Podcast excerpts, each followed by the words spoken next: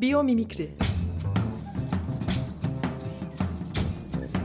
Doğadan gelen inovasyon.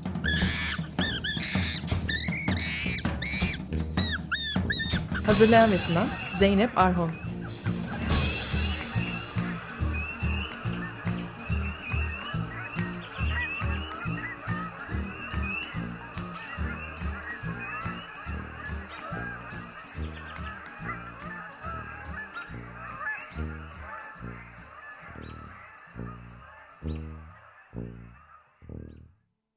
Merhaba, ben Zeynep Arhon. Arkadaşlarım gezegendeki 10 milyon canlı türü, en az 10 milyon canlı türü, belki de 30 milyon. Biyomimikri programından sizleri selamlıyoruz. Geçtiğimiz hafta programın ilk 6 ayını tamamladık. E, bu bölümle birlikte, bu hafta ile birlikte yepyeni bir yayın dönemine başlıyoruz. Tabii ilk kez dinleyenler, ilk kez denk gelenler olabilir. Onlar için biyomimikrinin temel tanımını yaparak taze bir başlangıç yapayım. Biyomimikri dediğimde genelde biyone sorusuyla karşılaşıyorum. Neredeyse bir tepki bu yani. Ne, ne diyorsun, ne demek biyomimikri e, diyen bir soru. Çok da doğal bir soru. Çünkü evet ben bu iş alanının içindeyim. Eğitimini aldım ve e, kariyerimin bir parçası haline getirdim. Dolayısıyla çok heyecanla, çok hevesle konuşuyorum biyomimikri ile ilgili konuşurken ama e, daha nispeten yeni. Yani sadece Türkiye'de değil dünyada da yeni bir çalışma alanı, yeni bir disiplin. Dolayısıyla e, isminin bilinmemesi, ne olduğunun bilinmemesi doğal. E, biyomimikri terimi iki kelimeden oluşuyor. Biyo gezegenin canlı kısmını ifade ediyor. Yani bu biyoloji derken aslında e, bahsettiğimiz canlı kısmı gezegenin. Bildiğimiz biyolojinin içindeki biyo. biyo. Mimikri de to mimic fiilinden geliyor. Yani taklit etmek, benzetmek demek. Dolayısıyla e, biyomimikri yerine biyo benzetim demek de mümkün. Böyle dendiğini de duyuyorum. E, bu da bu da aslında doğru bir isimlendirme ama ben e, orijinal ismini kullanmayı tercih ettim ve biyomimikriyi biyomimikri olarak e, kullanıyorum programda. Öyle de isimlendirdim programı. Ee, ne dediğimizden çok aslında neyi ifade etmek istediğimiz önemli herhalde. Biyomimikri doğanın işleyişini anlayan, e, doğadan öğrenen yani doğayı öğretmen olarak, e, model olarak e, kendine alan ve doğadan öğrendikleri doğrultusunda sürdürülebilir çözümler, e, tasarımlar yaratan yeni bir inovasyon yöntemi. E, dediğimiz gibi yeni bir çalışma alanı, ee, işte yeni bir bilim diyenler var, yeni bir disiplin diyenler var, yeni bir problem çözme e, yaklaşımı, metodolojisi diyenler var. Bunların hepsi doğru. Önemli olan e, yine yani tanımından çok ne yapmak istediği biyomimikrinin. E, ne yapmak istediği de şu, doğanın işleyişini anlamak, diğer canlılardan öğrenmek ve o canlılardan öğrendiklerimizle bugün karşılaştığımız önemli problemlerin e, zorlukların üstesinden gelmek. Üstelik de e, sürdürülebilir çözümlerle problemlerin üstesinden gelmek. Yani insanın bir canlı türü olarak gezegene uyum e, sağlayacağı, ayak uyduracağı, yaşamın tümüne saygı duyacağı bir geleceğe doğru ilerlemek. Amaç bu. E, burada hemen yani kavramsal konuşmayı durdurup birkaç somut örnek vereyim ki tanım daha netleşsin. E, ne gibi çözümlerden bahsediyorum? Ne gibi sürdürülebilir e, tasarımlardan bahsediyorum? İşte köpek balığının derisini inceleyerek mikrop tutmayan yüzeyler yaratmayı öğrenmek. E, bunu yaparak e, işte sert temizleyicilerden kurtulmak örneğin biyomimikrinin bir örneği. Nilüfer yaprağının yüzeyini örnek alarak yağmur altında temizlenen, yine güçlü kimyasallara gerek duymayan dış cephe boyaları geliştirmek. E, bu da hayata geçirilmiş, ticarileştirilmiş e, çözümlerden biri. E, ovanın işleyişini anlayan, e, toprağı zenginleştirmeyi amaçlayan tarım yöntemleri geliştirmek. Yine biyomimikri örneği. E, bunların tümü biyomimikri dediğimizde ilk akla gelen e, hayata geçirilmiş inovasyonlar.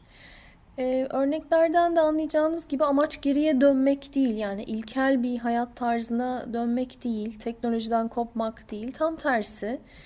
Ee, doğadan gelen öğretilerle e, teknolojiyi birleştirmek yani teknolojik e, gücü, fırsatları birlikte kullanmak ve bunları birleştirerek e, sürdürülebilir çözümler yaratmak. Vizyonda dediğimiz gibi tüm yaşama saygı duyan farklı bir gelecek. E, üretirken de, tüketirken de insanın tüm diğer canlı türleri e, gibi, tüm diğer canlı türlerinin aslında milyarlarca yıldır yaptığı gibi, yaşamın kendisinin 3.8 milyar yıldır yaptığı gibi e, gezegeni besleyeceği bir, bir gelecek e, biyomimikrinin vizyonu. E, programın ilk aylarında farklı sektörlerden gelen birçok örneği detaylarıyla ele aldım. Bu, bu haftayı da kısaca bunların üstünden geçmek için kullanayım. Ee, örneğin termit yuvalarından heyecanla konuştum. Çünkü termit yuvaları biyomimikri dediğimizde yine akla gelen başarı vakalarından bir tanesine e, ilham verdi. Eastgate binası Zimbabwe'nin e, başkentinde e, tasarlandı ve inşa edildi Eastgate binası. E, biraz bu örneği hatırlayalım. Termit e, karıncaya benziyor ama aslında hamam böceğinin e, akrabası. E, termit kolonileri tüm dünyaya yayılmış durumda. Afrika, Afrika savanındaki belli başlı e, türler, alt türler dev yuvalar inşa ederler. İnşa ederler etmesine ama metrelerce yüksekliğe ulaşan o yuvanın üst kısmında yaşamazlar. Onun yerine yuvanın altını yani yerin altında kalan kısmını kullanırlar. O metrelerce e, yükseklikteki bölümü de yuvanın sanki akciğeri olarak konumlandırırlar ve içine yine e, çok uzun, çok görkemli, karmaşık tüneller, bacalar inşa ederler. Üstelik de bu sistemi sürekli canlı tutarlar yani sürekli onarırlar. Ee, neden termitler böyle bir şey yapar? Çünkü e, koloni yaşaması, çoğalması, hayatta kalması, beslenmesi için yuvanın e, iç sıcaklığının, iç ısısının e, sabitlenmesi gerekir. 31 derecede tam olarak. E, ve termit kolonisinin inşa ettiği, sürekli onardığı bu sofistike havalandırma sistemi e, içeride ısınan havayı hızla dışarı atar. E, dışarıdaki yerin altındaki ve e, gece dışarıdaki soğuk havayı da yuvanın içine çeker. E, dolayısıyla yuvanın içindeki ısı sürekli istenen derecede sabitlenmiş olur.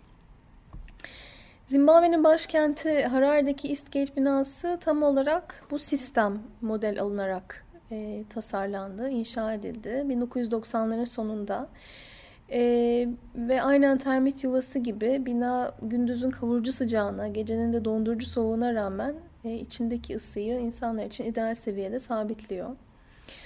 E, önemli olan burada hatırlamamız gereken şey şu, binanın yapımında hiç klima satın alınmadı. Yani klimasız çalışmak üzere tasarlandı bu dev bina. Ee, hem başta bu satın alım yapılmadığı için hem de sonrasında bina az az enerjiyle işletildiği için ilk 5 yılda 2,5 milyon dolar tasarruf etti. Başarı vakası olarak anılmasının sebeplerinden bir tanesi de bu. Yani evet doğayı örnek aldı. E, biyoloji ve tasarımın bir araya gelmesi açısından e, gerçekten önemli bir, bir vaka. Ama aynı zamanda elde edilen sonuçlar açısından da e, hatırlanmaya değer bir örnek. E, güçlü temizleyicilere gerek kalmadan yağmurla temiz, temizlenen dış cephe boyaları dedik. Bunlar da somut örnekler arasında. E, boyayı geliştirmek için nilüfer yaprağı örnek alındı. Neden? Çünkü nilüfer bitkisi çamurlu ortamlarda, bataklıklarda yaşıyor. Fakat e, içinde bulunduğu o çamurlu ortama rağmen kendini sürekli temiz tutmayı başarıyor. Bu da bir bitki için çok önemli. Çünkü çamurla kaplansa fotosentez yapamayacak. E, Nilüfer yaprağının yüzeyi incelendi ve örnek alındı boyanın geliştirilmesinde. E, sonuçta da kendi kendini yağmur altında temizleyen aynen Nilüfer yaprağı gibi dış cephe boyası geliştirildi. E, mimari en fazla e, biyomimikriyi içselleştiren alan diyebiliriz. Yani en fazla biyomimetik çözümü gördüğümüz alan ama tabii tek alan değil. E, başka örnekler dersek neler akla geliyor? Tekstilde örneğin ağır metallere e, gerek kalmadan e, sadece ışık altında renk alabilen kumaş. Bu kumaş için kelebek kanadından, morfo kelebeğinin kanadından ilham alındı. E, tıp, tıpta aynı şekilde biyomimikrinin çok ciddi insan hayatını e, iyileştiren örnekleri var. Örneğin soğuk zincirine e, gerek duymayan e, aşı, bu aşı için tardigrat ailesinden, su ayıcığından, e, durgun sularda yaşayan küçük mikroskobik hayvancıklardan ilham alındı. Bunlar da biyomimikri dediğimizde akla gelen hayata geçirilmiş uygulamalar.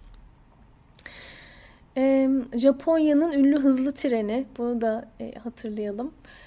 E, yalı çapkını kuşundan örnek alınarak tasarlandı. Bu da yine biyomimikrinin başarı vakaları arasında. E, mermi tren Shinkansen, Japonya'da ilk işlemeye başlatıldığında ulusal çapta gurur kaynağıydı. Yani Japon mühendisliğinin doruk noktası olarak görülüyordu. İlk Shinkansen 1964 yılında devreye alındı. E, saatte 220 kilometre hız yapabiliyordu. Yani düşünün 1960'larda saatte 200 kilometrenin üzerine çıkan e, bir bir tren. E, 1997 yılında yeni model devreye girdi. Shinkansen 500 serisi. E, Shinkansen 500 serisindeki trenler de saatte ortalama 300 kilometreye çıkıyordu. Hatta üzerine e, çıkıyordu 300 kilometrenin. Yani rotaya göre e, saatte 400 kilometreye ulaştığı oluyordu bu trenlerin. E, fakat Shinkansen 500 serisinin devreye alınmasıyla daha önce hiç öngörülemeyen, tahmin edilemeyen bir problem ortaya çıktı. E, tren her tünele girişinde ve her tünelden çıkışında bombaya benzeyen bir patlama sesi yaratıyordu. E, tabii bu da e, tünellerin etrafında oturan binlerce aile için 24 saat boyunca e, tekrar eden bomba seslerine sesine katlanmak demekti. Neredeyse olanaksızdı yani hayat kalitesini çok ciddi düşüren bir şeydi. E, trenin tasarımcısı, üretimcisi ve aynı zamanda işletmecisi olan The Japan Railway, Railways Group önce e, bu patlama sesinin sebebini anlamaya çalıştı. E, anlamak da çok zor olmadı. Tren öylesine hızlıydı ki dar tünele girdiğinde içerideki havayı e, ve kendi yarattığı ses dalgalarını sıkıştırıyordu ve tünelden her çıktığında e, trenin burnunda toplanan yoğun hava ses dalgaları serbest kalıyor. O şikayetlere yol açan sonik patlamayı yaratıyordu. E, Japonya'nın yani Japonya'daki tren yolları da e, bu dar tünellerle kaplıydı ülke dağlık olduğu için. E, yani tünellerin darlığı ve uzunluğu e, problemin büyümesine yol açıyordu. E, çözüme ulaşmak için trenin baş mühendisi e, Eiji Nakatsu doğaya baktı. E, doğa sevgisiyle büyümüştü ve kuş gözlemcisiydi. E, özellikle kuşları sabırla gözlemlemeyi, e, nasıl hayatta kaldıklarını, nasıl uçtuklarını, e, sulara nasıl daldıklarını gözlemlemeyi seviyordu. Ve Shinkansen faciasının çözümünü de doğada aramaya başladı Eiji Nakatsu. E, kuş gözlemcisi olduğu için, kuşları bildiği için yılı çapkınını bulması çok uzun sürmedi. E, mühendis trenin önünü yalı çapkınının gagasını modelleyerek yeniden tasarladı. Neden? Çünkü yalı çapkını çok usta bir dalgıç. E, havadan hızla sığ sulara dalıyor ve yoğunluğu farklı olan bir mecraya dalmasına rağmen, geçmesine rağmen e, hiçbir gürültü, patırtı, hava kabarcığı çıkarmıyor. Tren de aslında bunu başarmak zorundaydı. Yani e, mühendis sadece doğayı anlamakla kalmadı, o yaşadığı problemi biyoloji diline çok güzel çevirmeyi becerdi ve doğru organizmayı e, bulmayı başardı. E, sonuç tam bir e, başarı vakkasına dönüştü. Öncelikle Shinkansen'in ses problemi tamamen çözüldü. Treni daha fazla hızlandırmak ya da enerjiden tasarruf etmek gibi hedefler yoktu. E, mesele problemi çözmekti. Ama doğadan gelen öğretilerle bunlar da başarıldı. Shinkansen %10 hız kazandı. Üstelik %15 daha az elektrik kullanmaya başladı. Özetle diyebiliriz ki biyomimikri bir yandan evet insan için hayatın kalitesini arttırıyor. Yani problemleri e, çözüyor doğru ama diğer bir yandan da insanın çevreye verdiği zararı azaltıyor, azaltmaya çalışıyor. E, bu bahsettiğimiz başarı vakalarında genelde sonuçlar işte daha az enerji, daha az çöp, daha az toksik madde ve daha yüksek yüksek performans.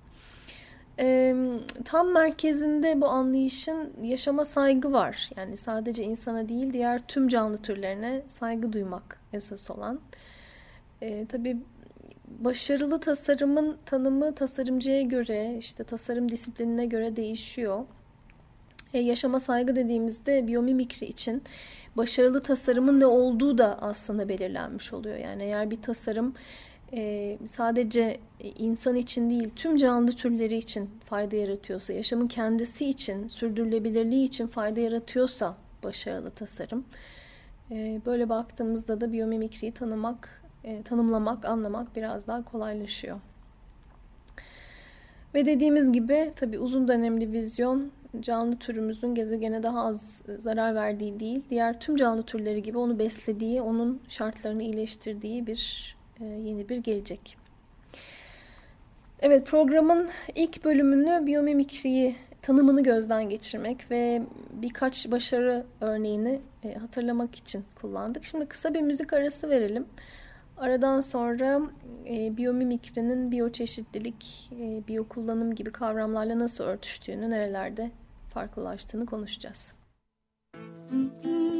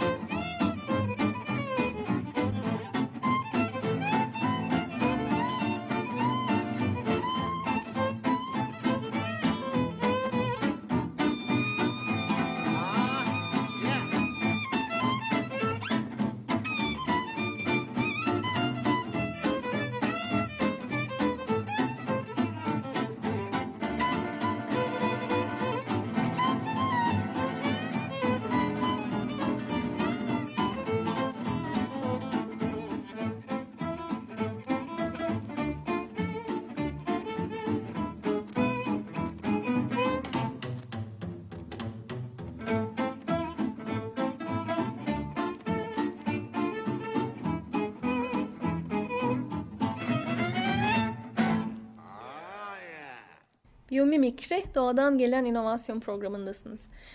Tek bir cümleyle özetlersek biyomimikri doğadan öğrenen, doğanın formlarını, süreçlerini, sistemlerini örnek alan ve e, aldığı derslerle sürdürülebilir çözümler tasarlayan yeni bir inovasyon disiplini.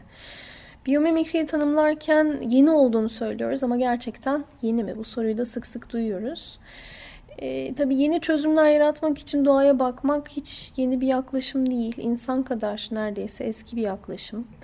Ee, endüstri devrimi öncesinde insan şüphesiz doğaya çok daha yakındı ve e, doğadan öğrenmeyi, doğayla yakın ilişki kurmayı, doğanın içinde hayatta kalmak için diğer organizmalardan öğrenmeyi çok daha iyi biliyordu.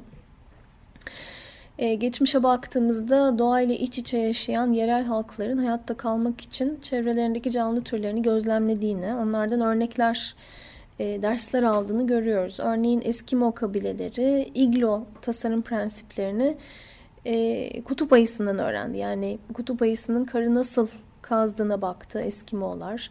E, kutup ayısının kış boyunca içinde uyuyacağı o yuvayı ne derinlikte kazdığını inceledi. Girişini nereye konumlandırdığına baktı. Tüm bunlar önemliydi ve Eskimolar için değerli öğretilere dönüştü. Tabii doğadan ilham almak, doğadan öğrenmek e, sadece yerel halklar, kabilelerle de sınırlı kalmadı. Tarih boyunca isimlerini çok iyi bildiğimiz mucitler e, doğaya bakarak yeni ürünlere, yeni tasarımlara ulaştılar. Leonardo da Vinci ilk akla gelen mucit olsa gerek. Yaklaşık 5 asır önce kuşları, tohumları inceledi ve doğadan öğrendiklerini kullanarak ilk helikopteri ve hatta uçağı hayal etti. Graham Bell yine aynı şekilde telefonun tasarımı için insanın kulağını model aldı.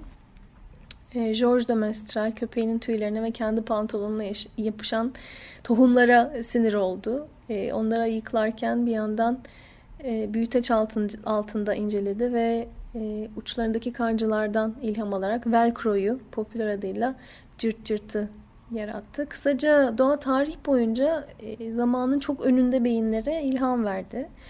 Peki o zaman neden biyomimikrinin yeni olduğunu söylüyoruz? Yaklaşım olarak doğaya bakmak, ilham almak, öğrenmek bunlar hiç yeni değil ama e, biyomimikrinin yeni olan bir tarafı var. O da belli bir metodolojiye sahip olması, artık belli bir e, bilgi birikimine sahip olması, bu konuda kitapların, makalelerin yazılmış, eğitimlerin e, başlatılmış olması. Dolayısıyla artık doğadan öğrenmek, ilham almak için dahi olmaya gerek yok. Bizim gibi çok daha normal e, insanlar da bu işi becerebiliyor. E, ben bunu biyomimikrinin ya da doğadan ilham almanın demokratikleşmesi olarak tanıyorum, tanımlıyorum. Yani yöntem, bilgi, yayılım sayesinde doğadan öğrenmek, biyomimikri artık demokratikleşti.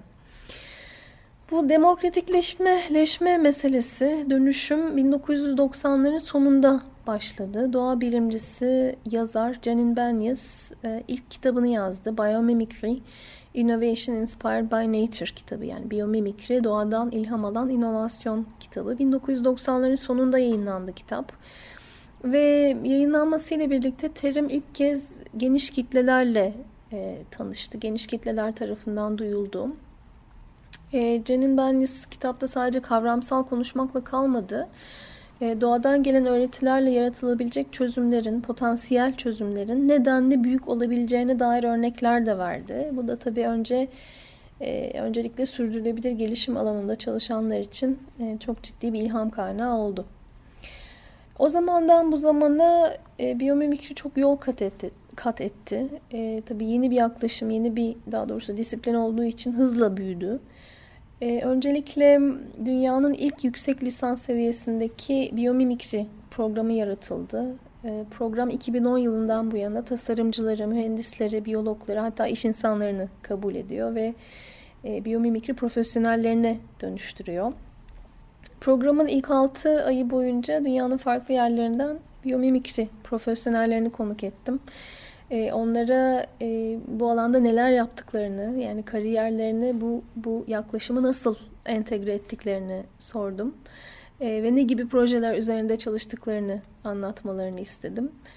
E, birkaçına denk geldiyseniz fark etmişsinizdir. Aslında herkes e, kendi yaratıcılığını kullanarak e, doğadan gelen ilhamları, e, dersleri daha doğrusu doğadan gelen ilhamı farklı şekilde kariyerine, kariyerlerine entegre ediyor bunları, bu hikayeleri, gerçek hikayeleri dinlemeyi ilginç buluyorum. Önümüzdeki aylarda da farklı ülkelerden ve uzmanlıklardan gelen konukları sizlerle buluşturmaya devam edeceğim. Diğer bir gelişim e, uygulama alanlarının çeşitlenmesi oldu. Yani ürün tasarımının ötesinde son yıllarda iş yönetimi de doğadan öğrenmeye başladı. Bu da benim gibi iş ile biyomimikrinin e, kesişim alanında çalışanlar için heyecanlı bir e, açılım, heyecanlı bir yayılım. E, mantıklı buluyorum, heyecanlı buluyorum. Çünkü dünyanın e, en zararsız formülünü üretsek dahi, en zararsız ürününü üretsek dahi onu mevcut e, iş yönetim anlayışıyla yönetirsek, mevcut dağıtım yöntemleriyle, kanallarıyla e, dağıtırsak zararsız kılamayız. Yani mesele sadece ürün tasarımıyla sınırlı kalmamaya, işin tümünü, işin süreçlerini de e, düşünmeye, işin tasarımı üzerinde çalışmaya varıyor. E, işle doğanın, işle biyomimikrinin kesişim noktasında da ilginç projeler var. E, yani dayanıklılık, rekabet, işbirliği gibi temel kavramlara yeniden bakmak, bunları doğadan gelen öğretilerle yeniden tanımlamak ee, bunların örneklerini de önümüzdeki aylarda ele alacağız. Doğa Genel Müdürü olsaydı nasıl bir organizasyon yaratırdı? Hangi temel stratejileri kullanarak hayatta kalırdı? Ee, nasıl rekabet ederdi? Nasıl başarılı olurdu? Nasıl üretirdi? Neler üretirdi? Ürettiklerini nasıl dağıtırdı? Acaba nasıl iş planları yapardı? Ya da belki hiç iş planı yapmaz mıydı? E, o zaman krizlerle nasıl baş ederdi, nasıl hayatta kalırdı? Bu sorular e, benim için çok ilginç sorular. Tahmin ediyorum sizin için de öyle. Önümüzdeki haftalarda bu soruların bazılarını e, cevaplamaya çalışacağız. Evet, Biyomimikri Doğadan Gelen İnovasyon Programı'nın bu haftada sonuna geldik. E, programı ee, programın geçmiş bölümlerini e, www.biomimikri.com sitesinde bulabilirsiniz. Tabi aynı zamanda Açık Radyo'nun internet sitesi üzerinden programın podcast kanalına üye olabilirsiniz. Tekrar buluşana dek doğayla kalın. Biyomimikri Doğadan gelen inovasyon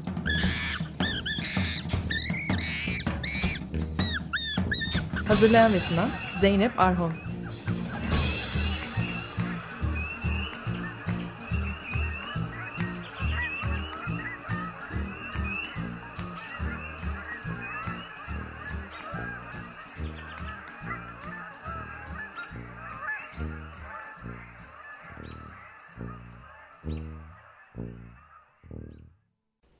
Açık Radyo program destekçisi olun bir veya daha fazla programa destek olmak için 212 alan koduyla 343 41 41.